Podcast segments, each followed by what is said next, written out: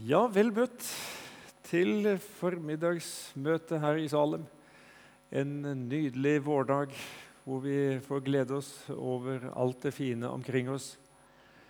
Og så skal vi få lov til å glede oss over at eh, Jesus vil møte oss både nå i formiddag og resten av dagen og videre framover. Vi er uendelig privilegerte mye heldigere enn vi tenker over til vanlig, tror jeg. Må jeg i hvert fall si for min del. Det er eh, Jesus som den gode hyrde vi skal høre om i dag. Og det eh, finner vi i Johannes evangeliet kapittel 10. Men før vi leser der fra vers 11 til 16, så skal vi fortsette å be sammen. Kjære Jesus Kristus, vi takker deg for at uh, du er den gode hyrde. Og Det har du vist så tydelig, ikke minst ved at du var villig til å ofre livet for oss. For at du skulle kunne lede oss inn i Guds rike, gjennom denne verden, helt fram til målet i himmelen. Vi ber deg, Herre Jesus, om at eh, vi alle som er her, må få ha et slikt personlig og nært forhold til deg som du gjerne vil vi skal ha, for at du skal kunne få lede oss hele tiden. Amen. Jeg er den gode hyrde. Den gode hyrde setter sitt liv til for fårene. Men den som er leiekar, og ikke hyrde. Den som ikke eier fårene, forlater fårene og flykter når han ser ulven komme. Og ulven røver dem og jager dem fra hverandre. For han er leiekar og har ingen omsorg for fårene. Jeg er den gode hyrde. Jeg kjenner mine, og mine kjenner meg. Liksom Faderen kjenner meg, og jeg kjenner Faderen. Jeg setter mitt liv til for fårene. Jeg har også andre får som ikke hører til i denne kveen, altså innhegningen. Også dem skal jeg lede, og de skal høre min røst, og det skal bli én jord og én hyrde. Hvem er det som trenger en hyrde? Ja, selv om eh, vi kanskje ikke er en flokk eh, bønder her, og slike som driver med dyr, så eh, vet vi nok svaret alle sammen. Det er de som ikke kan klare seg sjøl. Det gjelder dyr, og kanskje spesielt sauer, da, som trenger en til å beskytte seg mot fiender og andre farer. Og det er en, de som trenger noen til å lede seg på rett vei. Det er de som trenger noen til å gi dem mat og, og drikke i rett tid. Sauer er ålreite dyr, er det noe som heter. Og vi er glad i sauene på mange måter. Men samtidig så skjønner vi det at det skal ikke mye til før det viser seg at eh, sauene trenger en hyrde. Det var det godt kjent med i de golde og farefulle fjelltraktene i Israel den tid Jesus uttalte dette. Og Nå har jeg fått være i Israel en del ganger og, og undra meg over når jeg ser hvordan de hyrdene leder disse saueflokkene på tørre steder man lurer på hvor i all verden får de mat til sauene her? Og hvor er vann? Ja, naturlig vann. Heldigvis så kan eh, hyrder i dag de kan benytte seg av eh, vannposter og bare snu på ei kran og så tømme oppi noe, noe eh, sånne troer, og så kan de få drikke der. Men uten hyrde, ja, det, det ville vært utenkelig at de kunne klare seg særlig lenge. Nå sammenligner Bibelen oss mennesker med svake og hjelpeløse sauer. Det står om Jesus da han så folket, så han, hadde han veldig in, medynk med dem, for de var herjet og forkomne som får uten hyrde, står det. Herjet og forkomne som får uten hyrde. Det var ikke bare fordi mange av dem var syke og fattige. For dette var like sant også for de rike som måtte være på den tiden. Ja, også for de friske, for de religiøse. For det er nemlig slik at uten en hyrde så er vi mennesker ikke i stand til å finne den rette veien til Gud. Enten vi er friske eller syke, fattige eller rike, eller hvilken situasjon vi skulle leve i. Vi er som villfarne får, sier uttrykket i Bibelen. I Jesaja 53, 6 står det at 'vi for alle vill som får'. Vi vendte oss hver til sin vei. Hvis du legger merke til hvordan eh, sauene går og beiter, så organiserer de seg ikke på forhånd og så fordeler liksom beitet sånn bortover, og så gjør de det systematisk i flokk. Nei, det er noen her og noen der. For ikke å snakke om hvis de blir skremt. Da er, de, er de rundt forbi overalt. Og Det er også typisk for oss mennesker. Også oss mennesker i dag. Det mennesket som vi kan kalle det materialistiske mennesket, det må vel være en nokså passende karakteristikk for oss i vårt land. Det er så mange som tror at de kan så mye. Det er så mange som tror at de klarer seg så godt med det de har. Fordi de, de vi har liksom sikret oss på så mange kanter og bauger. Ja, nå blir vi jo liksom litt sjokkert når det oppstår en sånn finanskrise som vi er vitne til. Da kan det hende det at eh, folk begynner å bli litt urolige igjen. Vi ser millionene forsvinner, i hvert fall på papiret. De har alt, men det er også alt de har, som en har uttrykt det. Slik er det ganske typisk med oss mennesker i Vesten, og det er dessverre så mange som synes de også klarer seg uten Gud. Det er en karakteristikk av menigheten i Laudikea som jeg tror dessverre passer mye på oss i Vesten, fordi du sier 'Jeg er rik, jeg har overflod og har ingen nød', og du vet ikke at du er ussel og ynkelig og fattig og blind og naken. Det er så mange som bare eier denne jordiske rikdom, og som mangler den himmelske rikdom. De sanne skatter. Har du forstått at du trenger en hyrde? En til å lede deg, både gjennom livet og gjennom døden. Ja, det er ikke direkte behagelig å oppleve seg som hjelpeløs. Det vet vi alle sammen. Vi vil jo helst klare oss sjøl. Men i forhold til Gud så er det din lykke om du opplever deg totalt hjelpeløs. Og jeg kan si for min egen del jeg er akkurat lik som deg. Vil gjerne klare meg sjøl så lenge som mulig. Men i forhold til Gud så er jeg så takknemlig for at jeg kan få lov til å legge meg over, nær sagt bokstavelig talt, i hans hender. For jeg skjønner jeg klarer ikke dette med frelse og evig liv sjøl. Og Da er det så godt at det er en der som jeg kan få lov til å overgi meg til og si du får ta ansvaret. Jeg har ingen annen å satse på når det gjelder håp utover død og grav enn deg. Når du skal finne en hyrde, så må du passe deg for at du ikke kommer borti en leiekar.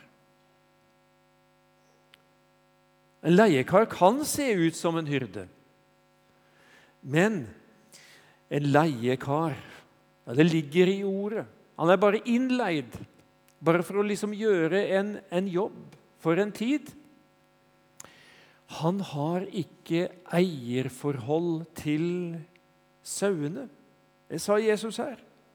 Men den som er leiekar og ikke hyrde, den som ikke eier fårene, forlater fårene og flykter når han ser ulven komme, og ulven røver dem og jager dem fra hverandre. For han er leiekar og har ingen omsorg for fårene. Det er rart med det vi har et eierforhold til. Det tar vi ekstra godt vare på. Ja, Vi bør jo også ta godt vare på det som tilhører andre, hvis vi har lånt det f.eks. Men det er noe eget med det du eier. Det har vi opplevd som foreldre også. Det går godt an å være glad i barn uten å ha egne barn. Heldigvis. Men det blir noe spesielt med dine egne barn. Kommer ikke utenom det, altså. En leiekar har ikke egne barn har ikke egne sauer. Han har ikke dette eierforholdet som gjør at han vil stå løpet helt ut og ta opp kampen mot fiender, mot ulven, mot djevelen, som Jesus tydeligvis tenker på når han kommer for å røve sauene. Han er bare selvopptatt og egoistisk, tenker på sin egen vinning, sin egen ære, sin egen makt. Og når fienden kommer, så løper han. Og kanskje han roper til saueflokken, jorden sin, bøy av og tilpass dere tidsånden. Jeg stikker. Ja. I um, 2. Timotius brev 3 så står det om slike onde mennesker og bedragere som går fra, fram til det verre. De fører vill og farer vill. De fører vill og farer vill. Det er, var slike på Jesu tid. Falske Messiaser, også blant fariseere og skriftlærde. Og vi finner dem i dag også. De kan stå fram som religiøse ledere og som veiledere, men er vranglærere fordi de ikke holder seg til Guds ord. Og så fører de vill, og fare vil. Og så får de andre med seg på den villsomme veien. Nei, leiekaren må du passe deg for. Leiekaren må du holde deg unna. Men det er én, det er én du må følge, og det er den gode hyrde. 'Jeg er den gode hyrde', sier Jesus. Jeg er, i motsetning til disse falske, dårlige hyrdene, leiekarene Jeg er, sier Jesus. Og dermed så knytter han, uten at du kanskje tenker på det med en gang, men han knytter forbindelsen tilbake til Guds presentasjon av seg sjøl overfor Moses i tornebusken, som brant uten å brenne opp. Da møtte Gud han, Javé, som jeg er, eller han er. Og Så står Jesus der, og så sier han det. Han som ser ut som et vanlig menneske, sier om seg sjøl at han er Gud. Og det er nettopp som Gud på jorden. Han er den gode hyrde. Jeg og Faderen er ett, sier han litt seinere i samme kapittel. Gjennom Jesus så går profetordet i oppfyllelse, som vi finner f.eks. i Esekiel 34. Jeg vil selv være hyrde for min jord og selv la den hvile, sier Herren, Herren.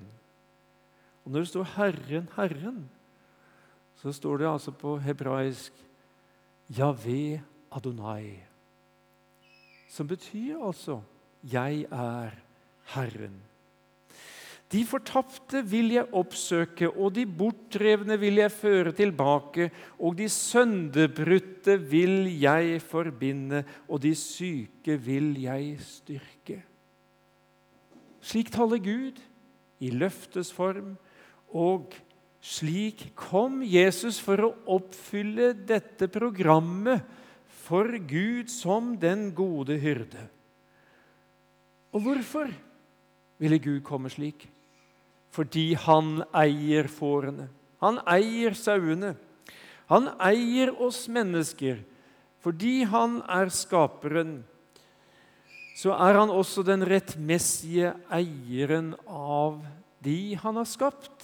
Av deg og meg og av alle mennesker. Derfor kjenner han et helt spesielt ansvar for oss. Derfor kunne han heller ikke se på at du gikk fortapt, uten å gjøre alt det som han kunne for at du skulle bli frelst. La meg dra omsorg for mine barn og for mine henders verk, sier Gud. La meg få lov til å gjøre det. Jeg vil dra omsorg. La meg få slippe til også i ditt liv. Jesus er den gode hyrde. Derfor så tar han opp kampen mot den onde. Han som er kommet for å myrde og ødelegge, som Jesus sier om djevelen. Han flykter ikke når ulven kommer. David han forteller om en slik situasjon eh, overfor Saul. Din tjener gjette småfe for sin far. Kom det da en løve eller en bjørn og tok en sau fra jorden? Da sprang jeg etter den og slo den og rev sauen ut av gapet på den. Og reiste den seg mot meg. Jeg ser for deg, ikke sant? Reiste den seg mot meg. Tok jeg den i skjegget og slo den og drepte den. Ja, Hvis ikke vi visste at det sto i Bibelen, så ville vi kanskje tro det var et sitat fra en eller annen tegneserie. Men sånn hadde David vært som en god hyrde. Og Da skjønner vi det. Da måtte han jo være villig til å ofre livet, om det så var. Men han gjorde det fordi han var så glad i sauene sine. Han ville ikke miste noen av dem. Og nå er David et forbilde på Jesus på flere måter, også som den gode hyrde. Jesus trakk seg så visst ikke unna da han ble fristet av djevelen etter 40 dagers faste i ødemarken. Nei, han sto løpet ut ved å holde seg til Guds ord. Og den avgjørende fristelsen i Getsemanehagen da da Jesus kjempet med dette at han snart skulle lide og dø og bli tatt til fange først da. Da var det ikke enkelt for Jesus. Han ville så gjerne slippe hvis det var mulig. Er det mulig, sa han, så la denne kalk gå meg forbi. Men så legger han til ikke som jeg vil, bare som du vil. Da var det for Jesus bare å kjøre løpet helt ut. Da var han villig til å sette sitt liv til for fårene, ofre sitt liv for din og min skyld. Det er typisk med den gode hyrde.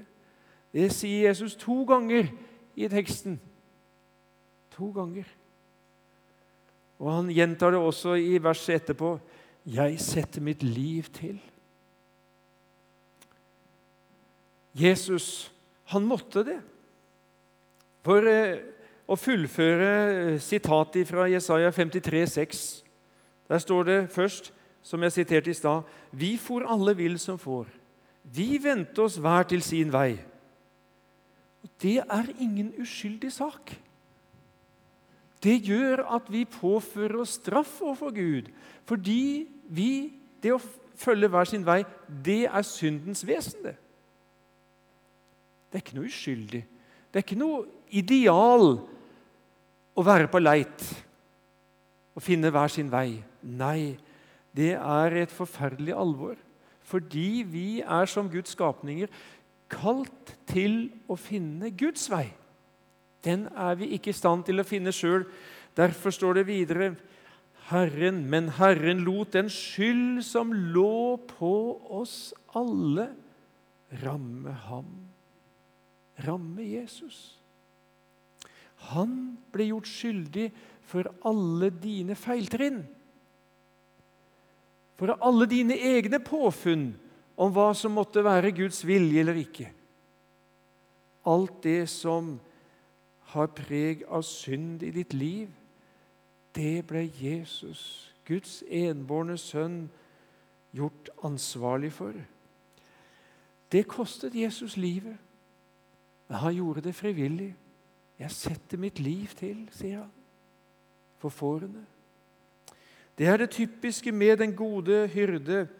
På Golgata satte den gode hyrden livet til for oss for deg og for meg. Der betalte han hele din ubetalelige syndeskyld. Tenk for et under. For Jesus skyld så skal du få lov til å vende deg til Gud i trygg forvissning om at gjelden er betalt. Det er ikke noe fiendskap mellom deg og Gud lenger så lenge du tar på alvor det Jesus har gjort. Er det ikke flott? Han har fjernet fiendskapet. Han har fjernet skylden. Han har utslettet skyldbrevet mot oss, som var skrevet med bud. Det som gikk oss imot. Det tok han bort da han naglet det til korset. Han tok det bort. Han tok det bort. La det synke inn i hjertet ditt. Gled deg over det, for det er din redning. Og eh, Dermed så avvæpnet han også maktene og myndighetene og stilte dem åpenlyste skue til spott og spe der på Golgata, da han viste seg som seierherre over dem på korset. Jesus seiret over djevelen og alle hans medhjelpere for der synden er borte, der har ikke lenger djevelen noen innflytelse. Han har ingen rett på den som har fått del i Jesu rettferdighet. Et annet trekk med den gode hyrde som vi leser om her, det er at han kjenner sauene sine. Jeg har eh, blitt imponert over at en sauegjeter i så stor grad kjenner sauene sine. Jeg har en svoger som har drevet med sauer sånn på si eh, gjennom livet. Han eh, er ikke profesjonell hyrde, men eh, han tar seg av sauene sine. Og gir dem noen godbiter innimellom. og sånt, og Når han kommer og roper på sauene, da kommer de springende. Men de kommer ikke til meg på samme måten. For de kjenner sauene nei, Han kjenner sauene sine, og sauene kjenner han. Kjenner stemmen hans. Jo da. Og det er dette som særpreger også forholdet mellom Jesus og dem som følger han. Jeg er den gode hyrde, jeg kjenner mine, og mine kjenner meg. Ja, faktisk på tilsvarende måte som Faderen kjenner meg, sier Jesus, og jeg kjenner Faderen. Kan du skjønne det? Altså Gud, Faderen og Guds sønn, ja, de må jo kjenne hverandre godt. Det er vel ikke så vanskelig for oss å forstå. De er like mye Gud, begge to. Sammen med Den hellige ånd så er de tre. De kjenner hverandre godt og er helt samkjørte i alt det de er og gjør. Og så skal vi få tro at vi er like mye kjent av Jesus. Og Dermed så skal vi også være like samkjørte med Han som Faderen er med Sønnen og Ånden. Kan du tenke deg det? Jesus sier det i vers 27.: Mine får hører min røst. Jeg kjenner dem, og de følger meg. Jeg kjenner dem, og de følger meg. Hvor eh, er det vi lærer Jesus stemme å kjenne, da? Vi lærer den her i Guds ord, og her hvor Guds ord forkynnes. Du er på akkurat rette sted for å lære Jesus stemme, Jesu røst, å kjenne. For gjennom sitt ord åpenbarer han seg. Det er mange falske røster i tiden, har vi vært inne på. Og Det er ikke godt å lære alle dem å kjenne. Men det er ikke det som er hovedsaken heller. For lærer du Jesus stemme å kjenne, så hører du også når de falske røstene gjør seg gjeldende. Og Derfor er det så viktig at du ofte er innom denne boka her. Fordi vi trenger stadig på nytt å bli kjent med Jesu røst. Det må ikke være slik at Bibelen blir en sjelden bok du åpner. Da lever du i overhengende fare for å bli villedet av falske røster. Det er bare slik. Vi syns jo det er opplagt at skal vi opprettholde et godt forhold til venner eller slektninger, familie eller ektefeller, så må vi snakke sammen. Ikke sant? Vi må høre stemmen og høre hva vedkommende har å si. Må vi ikke det? Og så må du også få anledning til å si noe, slik at det blir gjensidig. Og slik kommer Jesus til deg. Han vil så gjerne få sagt deg noe gjennom sitt ord hver eneste dag. Og så skal du få lov til å si noe til Jesus i bønnen. Hver eneste dag så lærer du Jesu røst å kjenne, og så lærer han din røst å kjenne så blir det en gjensidighet, så personlig og nært som ja, på en måte overgår all menneskelig kontakt og fellesskap. Det å være en kristen det er ikke bare å nær sagt ha bestemt seg for og gjort seg opp den mening at, at det er greit med Jesus og, og det han har gjort. Men det er å leve i et personlig samfunn med Jesus, et personlig fellesskap med Han hver eneste dag. Sånn er det å ha Jesus som hyrde. Å være en som følger etter Han. Da kjenner han deg. Han kjenner deg mer enn du kjenner deg sjøl. Og Det er betryggende å vite når vi vet hvor god han er. Men det er ikke bare det at han kjenner deg, han vet alt om deg. Men det som virkelig er stort, det er at han vedkjenner seg deg som sin. Hører du det? Han vedkjenner seg deg. Han kaller deg sin bror, sin søster. Og om du blir stående sammen med Jesus livet ut, så vil han også en dag vedkjenne seg deg for sin far i himmelen og for sine engler. Hør hva han sier, Matteus 10. Derfor vær den som bekjenner meg for menneskene Ham skal også jeg kjennes ved for min far i himmelen. Tenk deg å stå der sammen med Jesus, og så legger han handa på skuldra di, og så sier han, 'Ser du, far, Dette er min bror. Dette er min søster. Se dere, mine engler, her er en av mine. Ja, tenk for en lykke å oppleve det. Å oppleve at Jesus kjennes ved deg. Jesus kjennes ved meg. Men så sier han videre den som fornekter meg for menneskene, ham skal også jeg fornekte for min far i himmelen.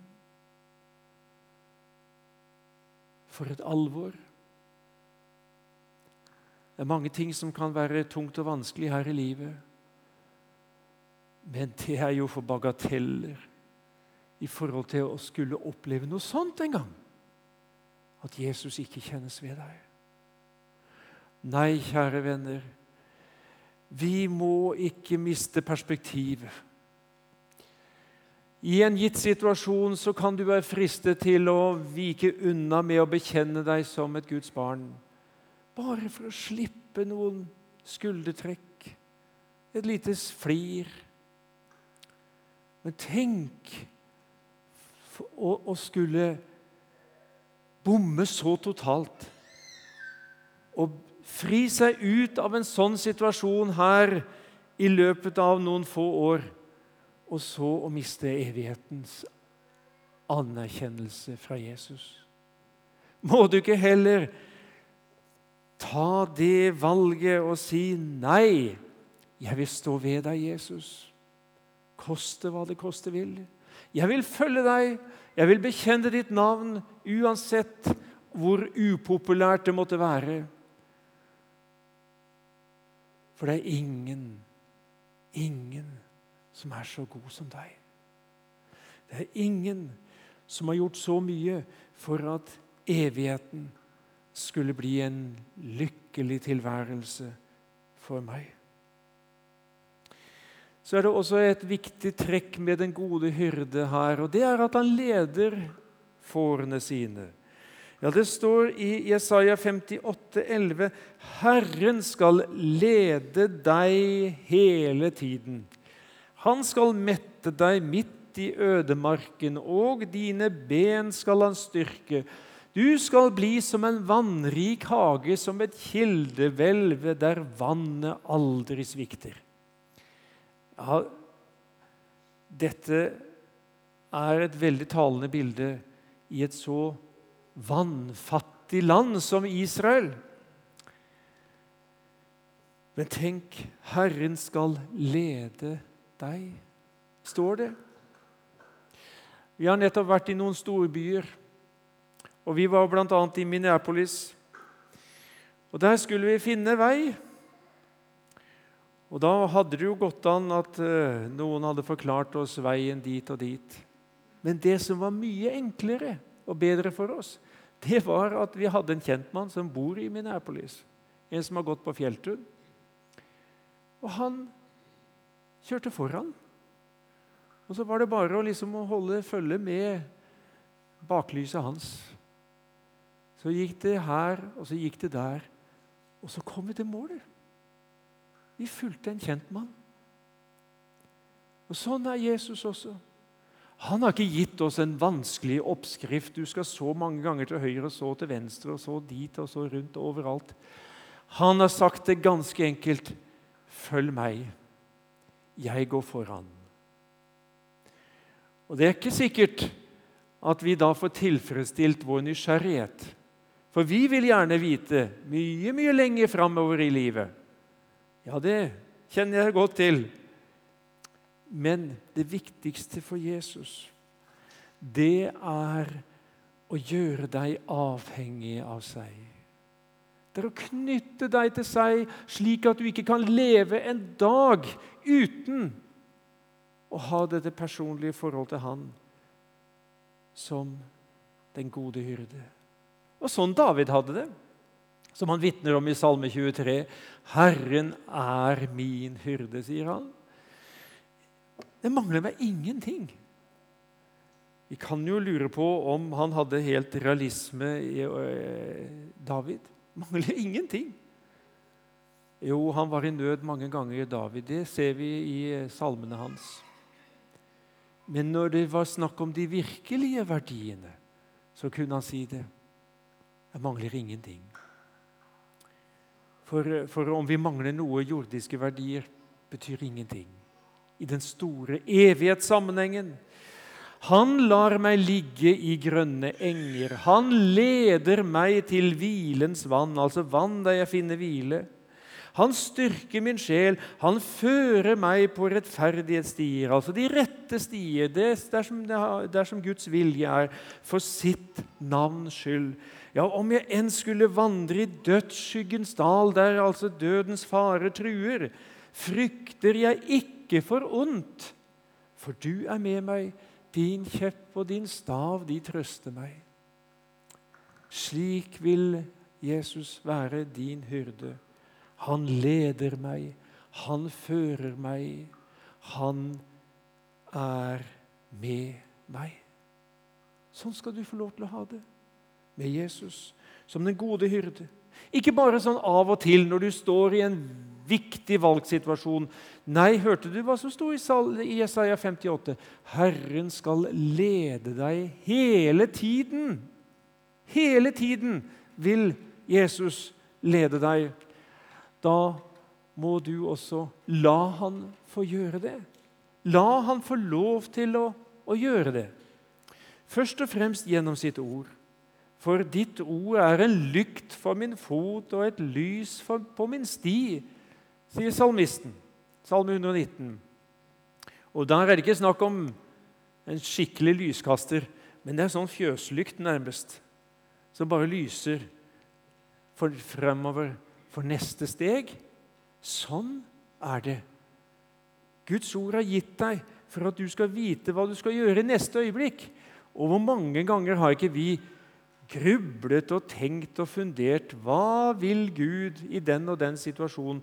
Og så har vi kanskje vært altfor seine til å gå til Guds ord og spørre hva står det her. Står det noe om her? Og står det noe her om den situasjonen jeg er oppe i?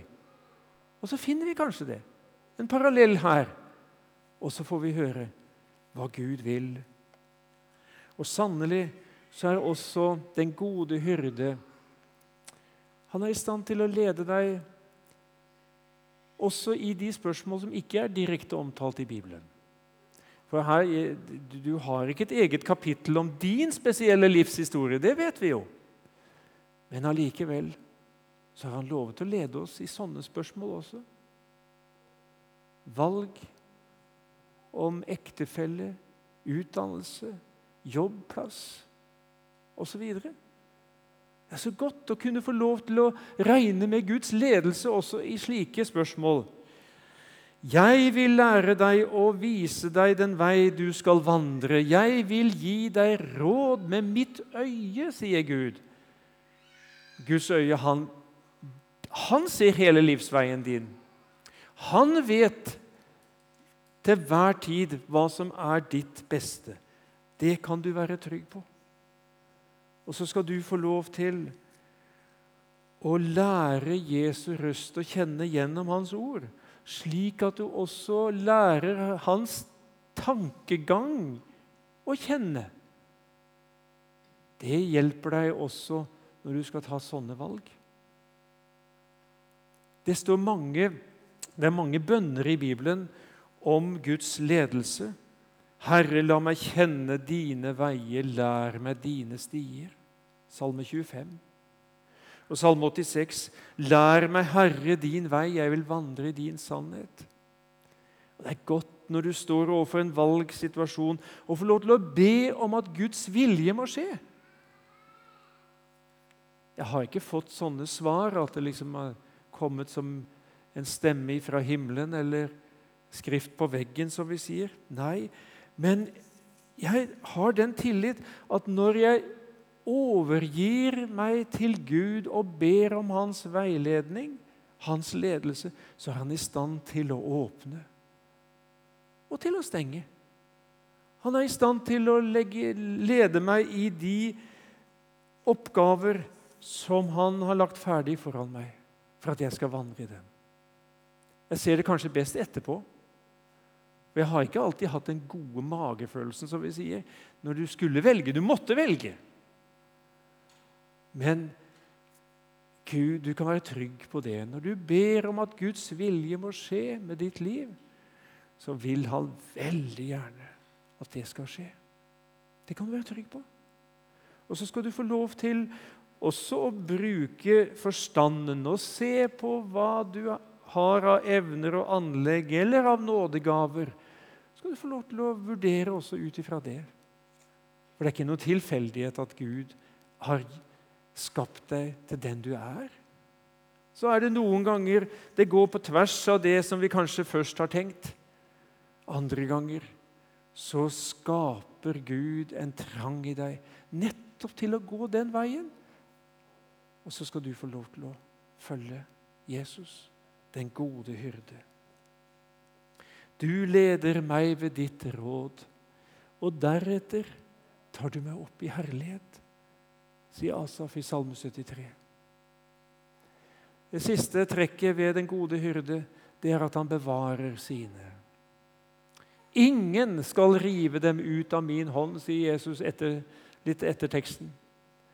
Og så sier han, 'Jeg og Faderen' Ja, min far som har gitt meg dem, er større enn alle, sier han. Og ingen kan rive dem ut av min, hånd, av min fars hånd. Sånn er Jesus. Sånn er Faderen. Det er sant at du kan falle ifra. Det er en alvorlig sannhet. Men så lenge du holder deg nær til Jesus, så holder han deg fast. Om du føler at du blir svak, om du føler at du er redd for at taket vil glippe Han meg holder fast, som det står i sangen. Han meg holder fast. Det vil han gjøre helt til målet er nådd. Underveis så vil jorden bli større, for Jesus sier, for å avrunde med det jeg har også andre får som ikke hører til denne kveen. Og Da tenker han på oss, da. Hedninge, kristne, i forhold til jødekristne. Også dem skal jeg lede, og de skal høre min røst. Og det skal bli én jord og én hyrde. Et fantastisk perspektiv, hvor misjonsperspektivet kommer inn.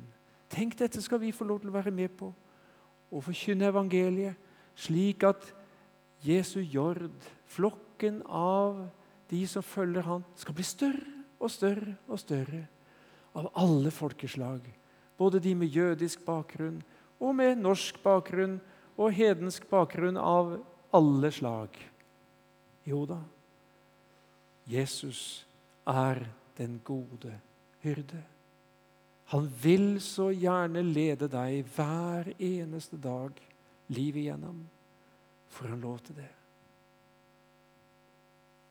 Kjære Jesus, vi takker deg for alt det du har gjort, for at du skal kunne lede oss trygt gjennom livet inn i evigheten. Hjelp oss, Herre, å følge deg hver dag, lære din røst å kjenne, overgi oss til deg igjen og igjen sånn at du får anledning til å holde oss fast og bruke oss underveis og bevare oss til målet nådd.